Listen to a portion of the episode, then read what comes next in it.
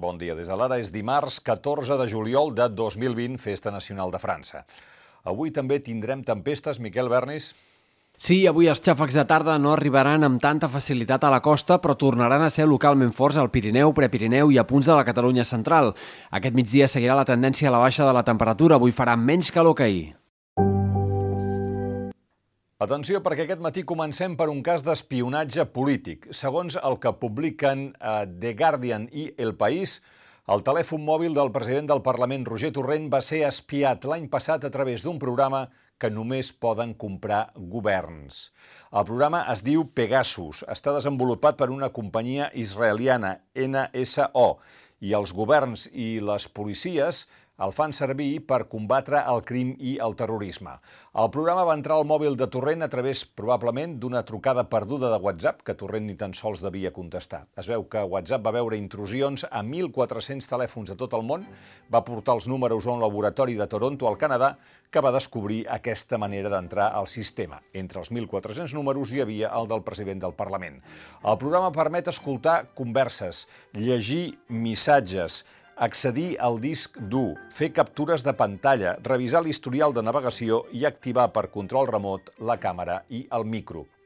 Entre els telèfons que també haurien pogut ser eh, hackejats per Pegasus hi ha el de la dirigent de la CUP, actualment a Suïssa, Anna Gabriel, i el d'un afiliat de l'ANC i del PDeCAT, Jordi Domingo, a qui probablement van confondre amb un advocat. L'empresa italiana diu que... Perdó, l'empresa israeliana diu que ella només treballa per governs. Preguntat pel país al CNI espanyol si va contractar aquest servei, la resposta ha estat de manual no. Actuem sempre en ple submetiment a l'ordenament jurídic. La Generalitat portarà avui al jutjat contenciós de Lleida una nova resolució després que ahir els jutjats de la capital del Segrià tombessin l'ordre de confinament domiciliari. A causa de la impossibilitat de multar l'obertura de locals de restauració, per exemple, el president Quim Torra va anunciar que es faria un decret llei. Com que no acceptem la decisió judicial, el govern de la Generalitat pren la iniciativa i en les pròximes hores, amb la celebració d'un Consell Executiu extraordinari, aprovarà un decret llei per establir el pla de, rebots, de rebrots i poder actuar amb tota la contundència que calgui a cada racó del país en funció de les dades d'evolució epidemiològica que el Consell Executiu eh, va aprovar ahir al vespre en aquesta sessió extraordinària que deia el president, s'ha modificat una llei de salut pública perquè en situacions de pandèmia o epidèmia es pugui limitar l'activitat o el desplaçament de persones eh, o la prestació de serveis. Molts establiments de Lleida van obrir amb normalitat a l'espera d'unes ordres clares i per això la crònica des de la capital del Segrià avui a l'ara es titula Entre el desconcert i la rebel·lia. Mentrestant, la xifra de positius de coronavirus a l'Hospitalet de Llobregat és molt més alta del que s'havia dit. El còmput actual era de 300 casos, eh, no de 30 o de 107, com es va dir en un primer moment. Així ho va detallar eh, l'alcaldessa Núria Marín, que va compareixer, igual que la de Barcelona, a Ada Colau, i totes dues van preguntar-se en veu alta per la falta de rastrejadors.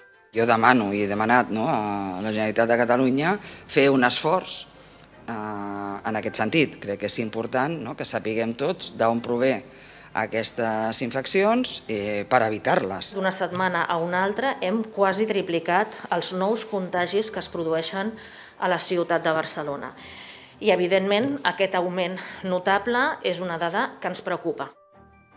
Qui són i com treballen els rastrejadors? Ho explica la Maria Garcia en aquesta pàgina. Diu que actualment n'hi ha uns 300, però que en caldrien uns 2.000. Per cert que després que Catalunya declarés obligatòria la, la mascareta, hi han anat al darrere a Extremadura, Ahir mateix aquesta norma va entrar en vigor a les Illes Balears i a Múrcia.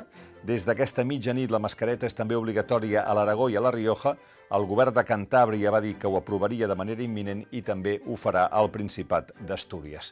Tenim article de David Fernández sobre com el virus ataca els més pobres, un article on hi diu que el virus deu ser igual davant de tothom, però no tothom és igual davant el virus per condicions eh, socials i eh, econòmiques. I un advertiment del doctor Simón sobre el fet que hi ha més casos entre joves i que l'edat mitjana del contagi ha baixat entre els 50 o els 43 anys en funció de si s'és home o dona. yo sí que haría un llamado a, a, los jóvenes para entender que la nueva normalidad no quiere decir volver a lo mismo de siempre. Tampoco quiere decir no divertirse. Quiere decir divertirse de otra manera. Si hay que divertirse en grupos más pequeños, se divierte uno en grupos más pequeños. I atenció, si s'ha passat la Covid-19, la immunitat es perd en pocs mesos. Ho sosté un estudi del King's College eh, de Londres que diu que els malalts són susceptibles de recontagiar-se. Ho explica el Quim Aranda en aquesta pàgina.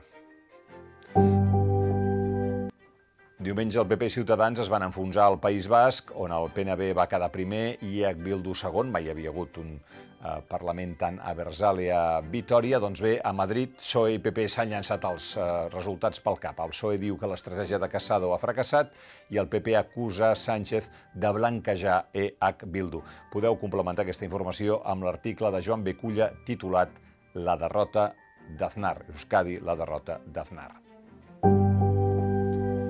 A Cultura, Carme Portacelli serà la nova directora artística del Teatre Nacional de Catalunya i la primera dona que ocuparà aquest càrrec des de la fundació de l'equipament el 1996. Portacelli n'assumirà la direcció a partir de l'1 de setembre d'aquest any, quan començarà a treballar per la temporada 21-22 del teatre i fins a la temporada 26-27. I els esports, el Madrid va fer bo el pronòstic, va guanyar al camp del Granada per 1-2, va acabar patint, però va guanyar després d'una bona primera part, aquest cop sense penals ni bar. I, per tant, si guanya demà passat a casa el Villarreal, ja serà matemàticament campió de Lliga a falta d'una jornada per acabar. I el Manchester City podrà jugar a la Champions la pròxima temporada. El Tribunal d'Arbitratge Esportiu, el TAS, va revocar la sanció de dos anys sense poder jugar a Europa que li havia imposat la UEFA al febrer eh, passat. Com que el City, diu el TAS, sí que va fallar en el moment de cooperar amb les autoritats de la UEFA, li han retirat la suspensió de dos anys de jugar i li han rebaixat la multa, li ha quedat una multa de 10 milions de lliures esterlines que naturalment al City no li amoïna gaire. Estava molt content ahir el Pep Guardiola. Fins aquí les claus del dia, tornem de seguida amb l'anàlisi de l'actualitat.